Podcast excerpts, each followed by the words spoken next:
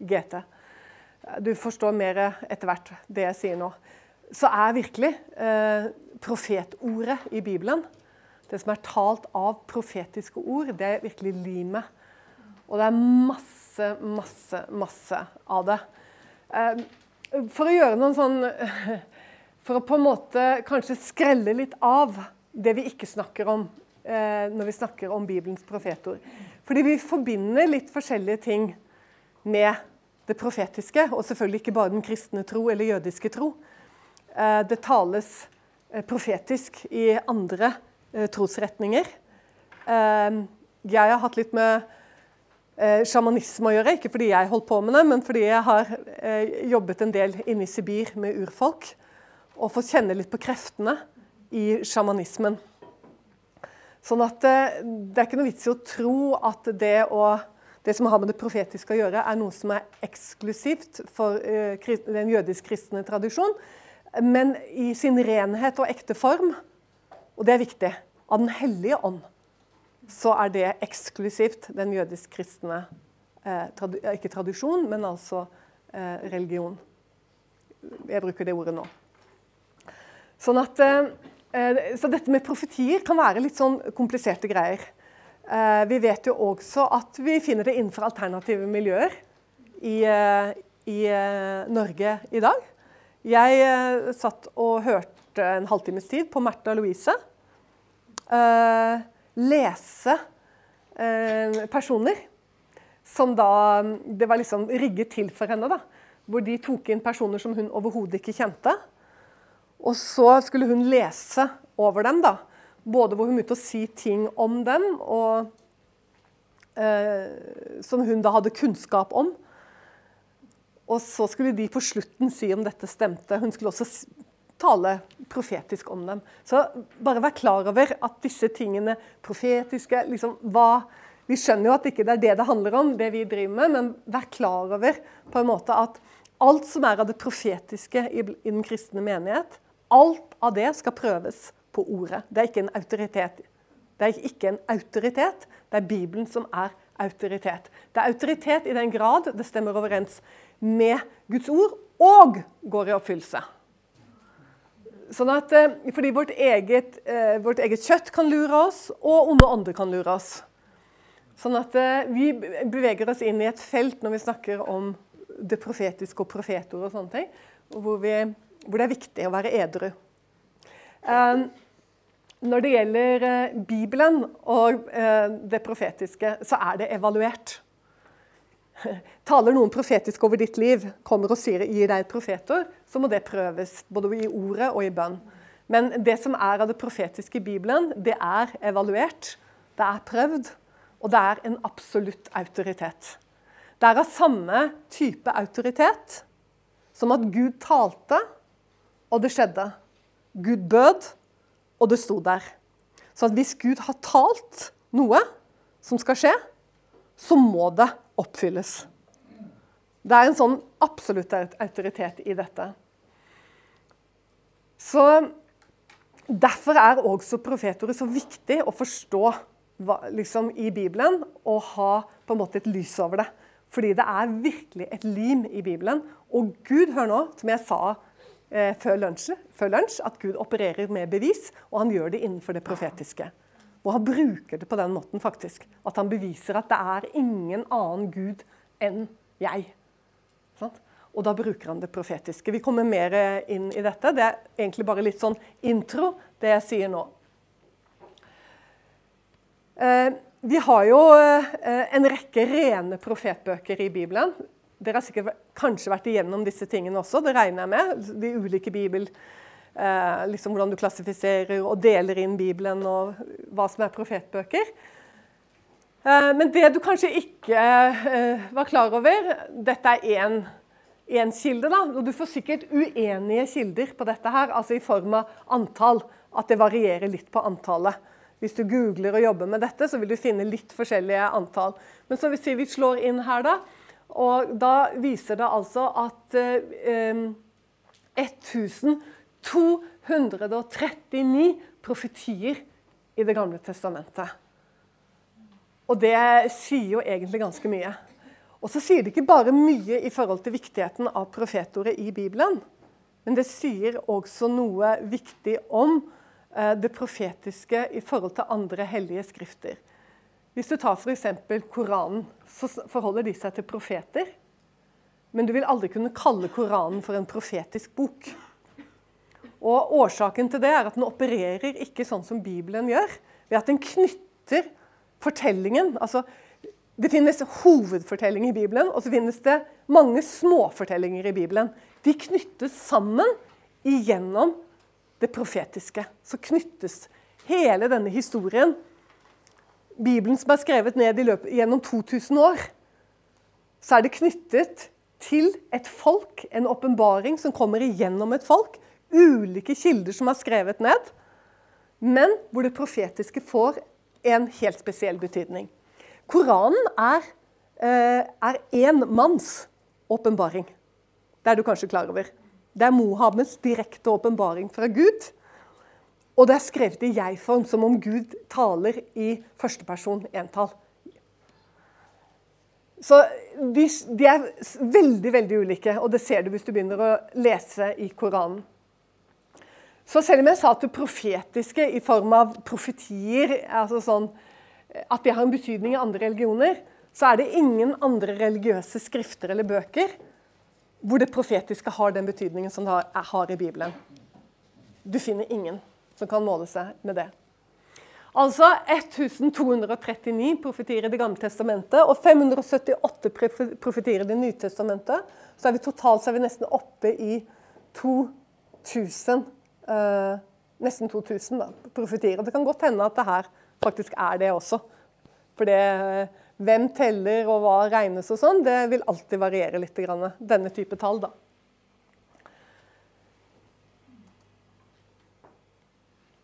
Har jeg sagt litt om det. Jeg sa ikke noe om den hovedfortellingen som eh, åpenbares gjennom eh, profetier som jeg har kalt for eh, om en frelser, om en konge, om et folk og om et rike. Og dette begynner å utspille seg i første Mosebok.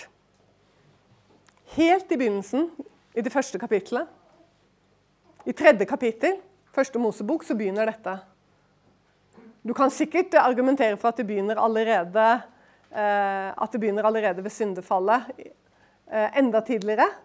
Eh, men sånn hvor du begynner å få kjøtt på beinet, så regner jeg tredje Mosebok. Og så går det da eh, igjennom eh, hele Bibelen. Og Nytestamentet er egentlig som skrift en skrift av oppfyllelser. Og Det merker du ofte når du leser evangeliet. Det er en, det er en bok av oppfyllelse og lære. Oppfyllelse og lære. Og selvfølgelig apostlenes gjerninger av eh, nedskrevne hendelser. Av gjerningene. Av det som skjer. Av det apostlene gjør.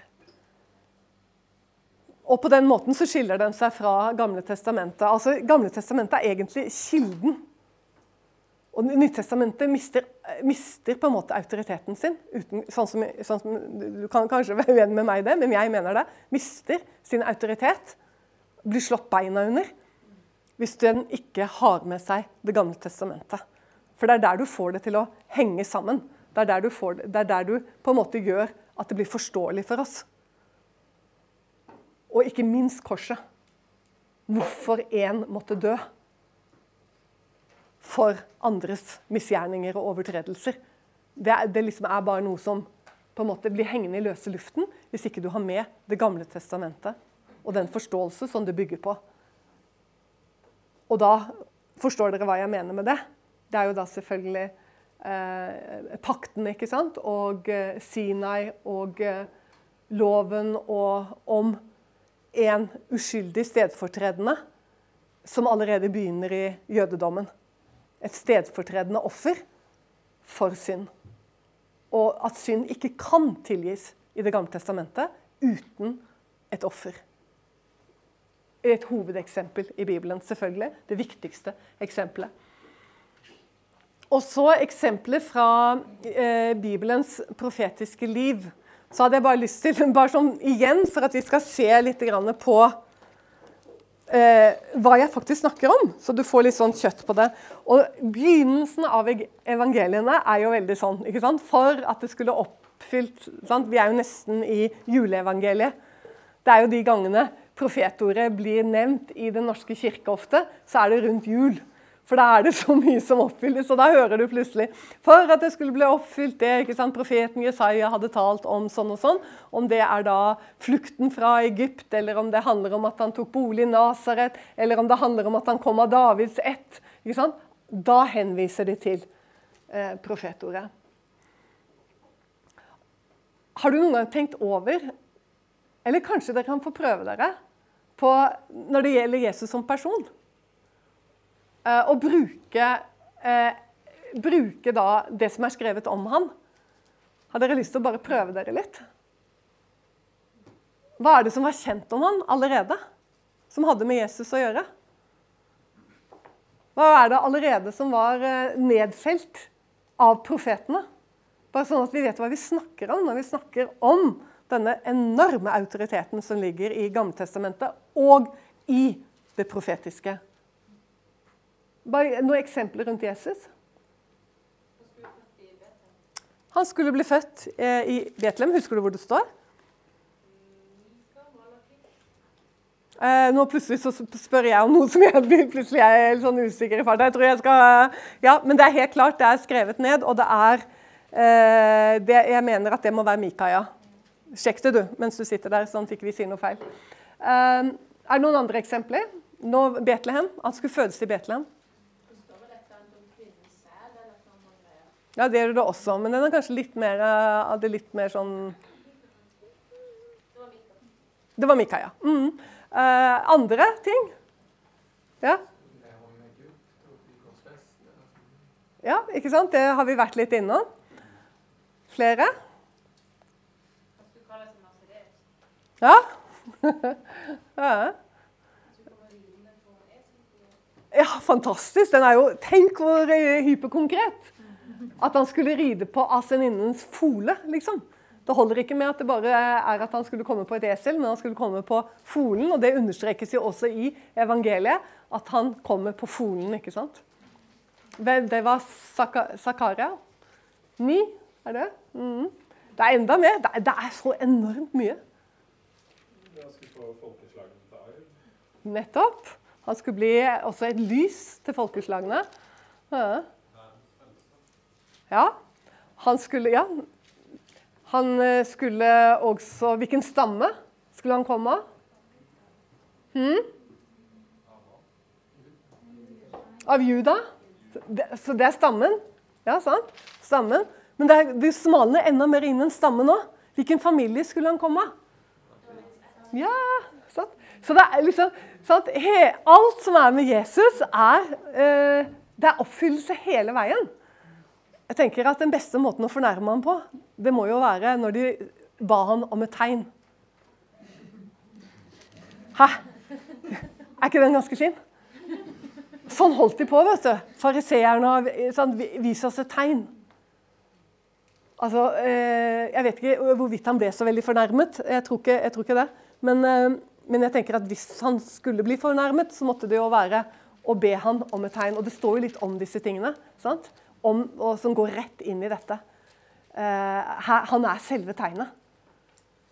Uh, vis oss et tegn. Vi vet jo også kong Herodes hadde jo festlig med det etter at han ble arrestert. At han hadde gledet seg til å treffe han. For han ville så gjerne se at han gjorde noen triks. hva? At han gjorde noen tegn. Grusomt. Ja,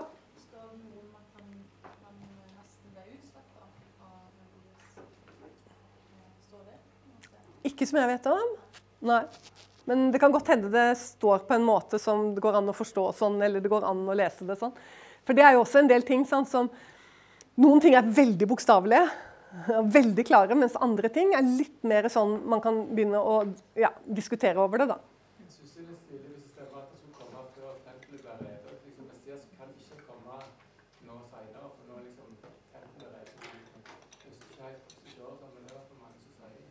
At eh, når han kom, at han måtte komme før.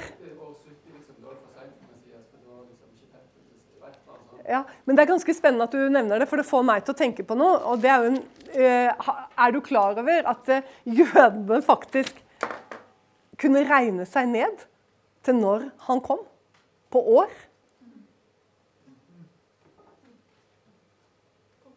Altså, De kunne det. De kunne regne ut når Messias kom. Og hvor, hvorfor kunne de det? Hmm? Daniel, profeten Daniel, 9. kapittel. I dag, i 9. kapittel hos Daniel, så er det litt vanskeligere. Fordi vi vet ikke når de begynte å regne. For det er gått tapt i tradisjonen. Fordi det, var, det står nemlig i begynnelsen der hvor denne delen begynner. Bare følg med på meg nå, ikke begynn å bla ennå. Dette kan du lese senere. Eller jeg, går, går, jeg, kommer dit, men først vil jeg at du skal ha med deg dette. Fordi eh, engelen Gabriel er det som kommer til Daniel og åpenbarer dette. Og du vet at eh, eh Gabriel er en interessant engel. fordi han er ganske håper å si, folkesky. Han dukker ikke opp mange ganger. Eh, han dukker opp i Gammeltestamentet, mener jeg, kun hos, eh, for Daniel. Og så er han borte fra eh, historiens scene, helt til han da dukker opp i tempelet når eh, pappaen til Johannes døperen han har tjeneste nå i tempelet. Og så kommer engelen Gabriel inn i Da har han vært borte altså i 450 år pluss. Mer, mer enn det òg. 500 pluss minus. Så kommer han igjen inn i tempelet til Johannes, og så forsvinner han opp i Nasaret til Maria. Han er virkelig eh, han er varsleren. Det handler bare om eh, Jesus. Han er budbæreren om Jesus. Og det er det han gjør for Daniel òg. Han gir Daniel faktisk sånn at Daniel han kan telle ned. Han visste når Messias kom, fordi han kunne begynne å regne fra For de forsto når det var. Nå sitter vi og diskuterer når var det vi skulle begynne å regne. Jo, vi skulle begynne å regne når budet går ut om å gjenoppbygge Jerusalem. Og fordi Nå må, dere, nå må jeg få dere alle med hva du snakker om. Gjenoppbygge Jerusalem. Nå henger jeg ikke med. Hvis vi ser her, så står det Babylon. Her står det Babylon. Juda, ikke sant?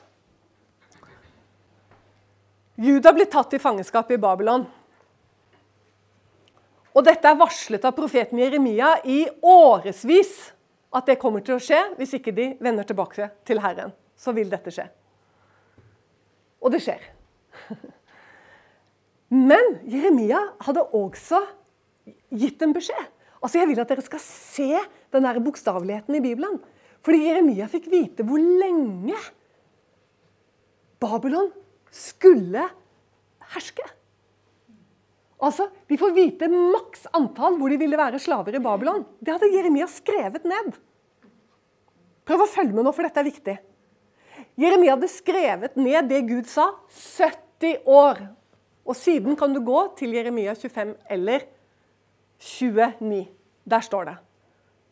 Han skriver det ned at Babylon skal herske. 70 år er gitt Babylon.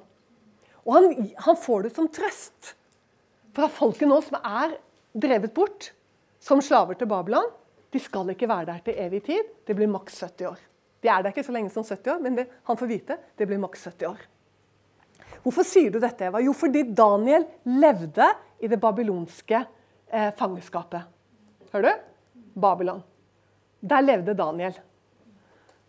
Og på slutten av fangenskapet han har, han har ikke lest profeten Jeremia før. Nå er du i 9. kapittel. og Det var derfor jeg ville at du ikke skulle lese nå, men les siden.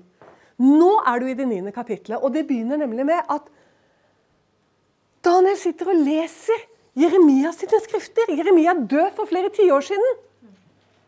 Daniel sitter og leser hør nå, profetordet. Og så Wow! Så ser han det for første gang, at det skal gå 70 år. Og Daniel lever på slutten av det babylonske tid og skjønner at nå er det like før folket blir satt i frihet. De blir satt i fri, frihet i 5 mm, Er det 37 eller 39? Jeg skal sjekke det for deg. Men like før dette så sitter Daniel og leser og ser at Oi! Det skal gå 70 år. Og det som skjer med Daniel da, er at han vet at nå skal Han vet at dette blir oppfylt. Sant? Han var en, han var en Han var av et kaliber som visste autoriteten til dette. Så det gjør at han går i bønn. Og du vet at Daniel han var jo en bønnens mann. Og han, han, ber ikke bare litt, vet du, han går i inderlig bønn. Og så står det at han, jeg tror han kler seg i sekk og aske her òg, og gråter og alt. Hvorfor det? Han burde jo juble. Han gråter av folket er i en sånn forfatning. At det er så mye ugudelighet fortsatt. At det er så mye elendighet. Og så mange av jødene har begynt å tro på de babylonske eh, gudene. ikke sant? Han gråter for folket sitt. Og Sånn holder han på i dagevis. Jeg husker ikke om det er ti dager eller hvor lenge han holder på. Så kom så dere får han en åpenbaring som blir levert han gjennom Gabriel. Dette er utgangspunktet for at Daniel får vite faktisk årene fram til, som står igjen fram til Messias skal eh, komme. Fordi han får vite at det skal gå så og så mange år fra budet går ut. For nå vet han jo at budet kommer snart. Det kommer veldig snart et bud om at vi kan dra tilbake og bygge opp igjen Jerusalem, som ligger i ruiner. For, fordi at babylonerne gjorde jo nesten, nesten rent bord. De gjorde ikke så rent bord som romerne gjorde 500 eh, år senere. Men eh, babylonerne gjorde Det var helt grusomt. Men alt håp var egentlig forsvunnet fra dem, men nå har de fått beskjed at de kan dra tilbake. Og, eller Daniel vet at dette kommer. Klarer dere å henge med nå? Nå vet de. Nå vet han at uh, dette her Timeglasset er satt på hodet. Sanden holder på å renne ut. Vi skal hjem. Men så reiser de ut i tre forskjellige puljer fra Babylon når det skjer. Sånn at i tradisjonen så har man blitt usikker på når man skal telle ifra. Og det gjør at vi som lever nå, eh, er fryktelig uenige når det gjelder, eh, når det gjelder kapittel 9. Fordi vi er usikre på når vi skal begynne å telle ifra for å få det til å stemme med når Jesus ble født. Vi ser at vi kommer veldig sånn nær, på en måte, og så er det jo også diskutert akkurat når og årstallet for Jesu fødsel. Men det som er viktig, dere, det er jo å se at du treffer jo innenfor et eh, rom hvor vi snakker ti år, liksom. Det er jo helt utrolig. Eh, sånn at det er også skrevet i din bibel. At de som levde på Daniels tid og etter Daniel, de visste altså eh, De kunne regne seg ned til når den salvede fyrste skulle stå fram. Messias. Er ikke det spennende? Og så eh, synes jeg vi må, Siden vi er der nå, så syns jeg bare vi må gå til Daniel 9. Og nå kan, nå kan, du gjøre det hvis du vil, sammen med meg. Eh, fordi Og så leste jo jeg i eh, Jeg leste jo da oversettelsen. Eh, her i min 1930-oversettelse men veldig ofte så går jeg til eh, originaltekstene. Eh, veldig, veldig ofte. Fordi jeg, er nødt til det som forkynner. Sånn at jeg dobbeltsjekker ofte hva som står i det hebraiske. Og det var litt sånn sjokk eh, når jeg kom eh, her i, Daniel 9. Jeg har faktisk ikke gjort det før, eh, eh, i det 24. verset. Fordi Nå leser jeg først hva som står i 1930-oversettelsen, og hva som faktisk står i den hebraiske originale bibel. Og det, det, er veldig dumt at vi har tåket det til med litt sånn merkelig språk. I vers 24 så får Gabriel vite, og det er her det begynner, dette her, med åpenbaringen om også bokstavelig når han kommer. Men i 24 så står det 70 uker, og uker her er åruker. Så én uke er syv år. Det er det ingen uenighet Uansett hvilken teolog du snakker med. Dette vet vi. At det var sånn det, var sånn det ble snakket, på en måte. Dette, så dette er, dette er, det ingen uenighet om. At én uke her er Én uke er syv år. 70 uker, altså 70 ganger 7 år, er tilmålt ditt folk, Daniel, altså det jødiske folk. Og din hellige stad, Jerusalem til å innelukke frafallet, til å forsegle synder og til å dekke over misgjerning. Og til å føre frem en evig rettferdighet. Og til å besegle syn og profet, og til å salve et aller helligste. Når, du, når, folk sitter og leser det, så kan de faktisk sitte og, og spise matpakken sin og, og, og, gjespe og bare lese videre, fordi ja, liksom. Men her leser du også. Det er, det er, helt fantastisk, det som står her. Hva han får vite. Um, og Derfor er det viktig å være nøye når vi leser i Bibelen. Det som står på hebraisk, som gjør det enda mer tydelig, det er 70 år er tilmålt ditt folk for å gjøre slutt hør nå, på overtredelsen. For å gjøre slutt på overtredelsen. Det er det det står. Og så står det for å gjøre ende på synder. Gjøre soning for misgjerning. Og til å innføre en evig rettferdighet. Det finnes nesten ikke et sted i Skriften hvor det er mer diskusjoner, og vi skal slippe det her. Fordi Hvis vi fortsetter nå, så er vi inne i et hav av diskusjoner. Og det, er ikke for, det vi holder på med, så er ikke det interessant. Men det jeg ville at du skulle igjen se, det er hvor mye profetene faktisk så. Eh, at de faktisk så eh, hva Jesus var den salvede fyrste som skal komme. De fikk vite når han kommer, året for det. Og de fikk vite, de kunne telle seg ned til det, og de fikk vite hva han skulle gjøre bære fram en evig eh, rettferdighet. Gjøre ende på synden. Ja. Um, og så uh, har jeg lyst til at vi skal Bare se litt på klokken. Vi begynte halv. Eller begynte vi kvart over? Vi begynte kvart over? Kvart over, ja. Um, ja, det var det å gjøre litt sånn her um, Vi går til Matteus bare for å ta noen smakebiter ifra hvordan eh, Gamle testamentet kommer inn med sine henvisninger. Og 22. verset i første kapittel. Men alt dette skjedde for at det skulle oppfylles, som er talt av Herren ved profeten som sier:" Se, en jomfru skal bli fruktsommelig og føde en sønn, og han skal kalles Immanuel. Det er utlagt Gud med oss. I 2.15 eh, så står det og han ble der til Herodes død for at det skulle oppfylles som er talt av Herren ved profeten, som sier, fra Egypt kalte jeg min sønn. 2.23. Og han kom og tok bolig i en by som heter Nasaret, for at det skulle oppfylles som er, ved, som er talt ved profetene, at han skal kalles en nasareer. Um, så 4.14 Det er ganske morsomt. Det er ganske tett på her. Og han forlot Nasaret og kom og tok bolig i Kapernaum, ved sjøen i Sebulon og Naftalis landemerker. Eva, hva er dette for noe? Hva er Sebulan og Naftali? Husk at når du leser Bibelen, så leser du aldri forbi ting du ikke forstår. Det er mitt beste råd til å få en morsom bibel. For det, det, når du leser Bibelen, det handler ikke om at i dag skal jeg lese de tre første kapitlene av Matteus.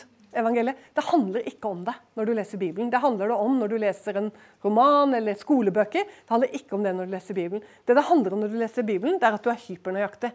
Og du bruker så lang tid som du bruker. Om du bruker fire timer på tre vers, så gjør du det. For det som er morsomt, er at når du begynner å gå til andre ting for å finne ut ting, så plutselig så ser du noe og sier men det var jo kjempespennende, og da må jeg dit, og så må jeg finne ut det. ikke sant? Det er sånn man leser Bibelen. Du sitter ikke leser Å ja, liksom Hva er det du leste i Bibelen i dag? Ja, jeg følger en bibelleseplan, og nå har jeg lest det Skjønner du? Det er ikke sånn du leser Bibelen. Jødene leser ikke sånn i Bibelen. De sitter, de sitter på jeshivaen og sånn, så sitter de rundt bord og så sitter de og diskuterer hele tiden. Altså De sitter kanskje med ett vers, så sitter de en hel dag og snakker om det verset. Vi, vi, har, vi er sånn greie på at ja, vi leser Bibelen sånn som vi leser uh, annen litteratur. liksom. Du gjør ikke det med Bibelen. Når du kommer til Sibulan og Naftali og du vet ikke hva det er, så sjekker du hva det er. Og hva er det for noe?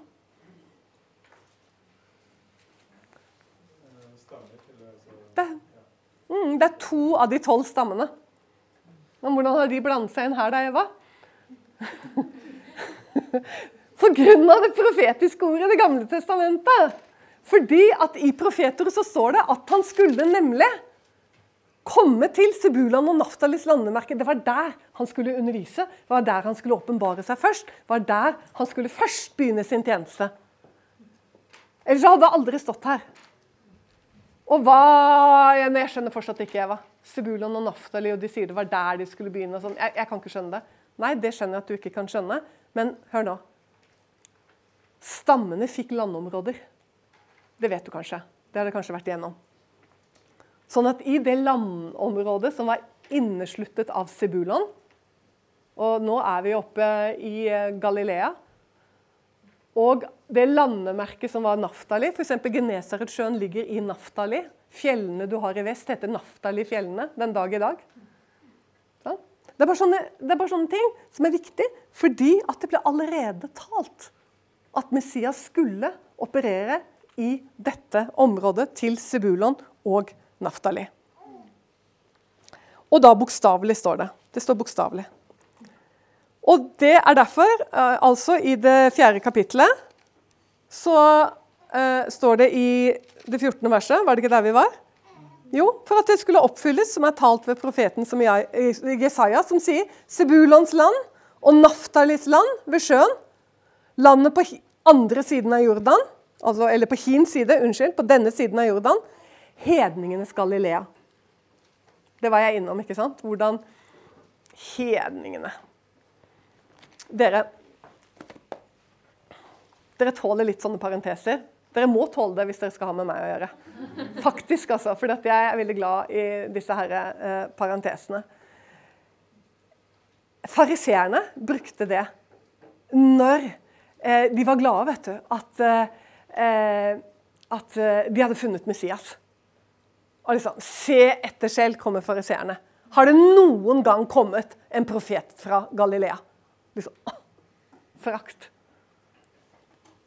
Nei, men det har kommet noe bedre ifølge skriftene fra Galilea. Messias skal virke i Galilea. Skjønner du? Altså, Fariseerne, som er de skriftlærde, kjenner likevel ikke Skriftene. De tror de gjør det, og sier det har aldri kommet en profet fra Galilea. De har helt rett. Det har aldri kommet en profet fra Galilea. Aldri! Men de har likevel ikke rett. For Messias er ikke en profet. Han er Messias. Og Skriften hadde sagt at Messias skulle komme fra Galilea. Få litt entusiasme her. Skjønner du? For det er denne nøyaktigheten jeg vil at du skal bli eh, begeistret over. Sånn? De som er skriftlærde, som tror de setter disiplene fast, de dummer seg ut. Rett og slett fordi de ikke kjenner Skriftene. Profetordet er, som jeg sa, han talte, og det skjedde. Han bød, og det sto der. Det er helt nøyaktig. Skal vi ta litt til? Åtte-syv. 8-7. Og Hvorfor tror du det er så mye i Matteusevangeliet? Det er ganske mye i Lukas òg, men hvorfor er det så innmari mye i Matteus? Er det litt fordi at det evangeliet kanskje er skrevet myntet spesielt mot jødene? Merk også at etterlisten kommer i første kapittel. I Matteus så kommer etterlisten til Jesus. Og det er viktig for jøder, at den stemmer. Der ser du hvor bokstavelig det er. Jødene sitter der med sine støvete bøker og har det, vet du. De har så kontroll på så vanvittig mange ting. Det er helt, helt vilt. Så du snakker med sånne gamle, støvete rabbinere og sånn altså, Erlend og jeg har ved flere anledninger fått lov til å bo iblant dem oppe på grensen til Libanon. De har, altså, de har liksom oversikt over Og vi kristne hadde trengt å være så mye mer sammen med dem for å få den nødvendige respekten for Bibelen. Altså bokstaveligheten. Bokstaveligheten i Bibelen. Alt er ikke bokstavelig. Men det som er skrevet bokstavelig, skal også tros bokstavelig.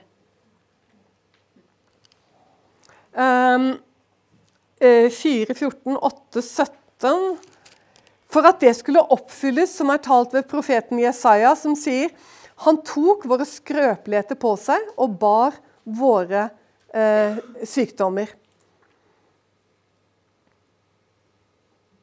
Men eh, hvorfor står det det? Jo, det er jo selvfølgelig sant. 16. verset. Men da det var blitt aften, førte de til han mange besatte, og han drev åndene ut med et ord, og alle dem som hadde ondt, helbredet han. For at det skulle oppfylles, som er talt ved profeten Jesaja, som sier. Og det blir jo både 53 og 61, ikke sant? At han skulle ta sykdommen skrøpelig på seg. på seg, men også 61, hvor fanger skulle bli satt fri, og de bundne skulle bli løst. Eh, jeg tror vi bare tar ett til. Sånn at, eh, men, for dette her kan jo du gå og gjøre på egen hånd. Men fordi man ofte ikke gjør det, det er jo litt derfor jeg da gjør det. For dere skal videre, og det er nye ting som skal med, og så får man ikke gjort det. Og Så står det alt dette talte Jesus i lignelser. Det er da eh, vers 34. Til folket, og uten lignelse talte han ikke noe til dem, for at det skulle oppfylles som er talt ved profeten som sier, jeg vil opplate min munn i lignelser, jeg vil utsi det som har vært skjult fra verdens grunnvoll ble lagt. Stå med oss økonomisk og i bønn. Du finner oss på utentvil.com.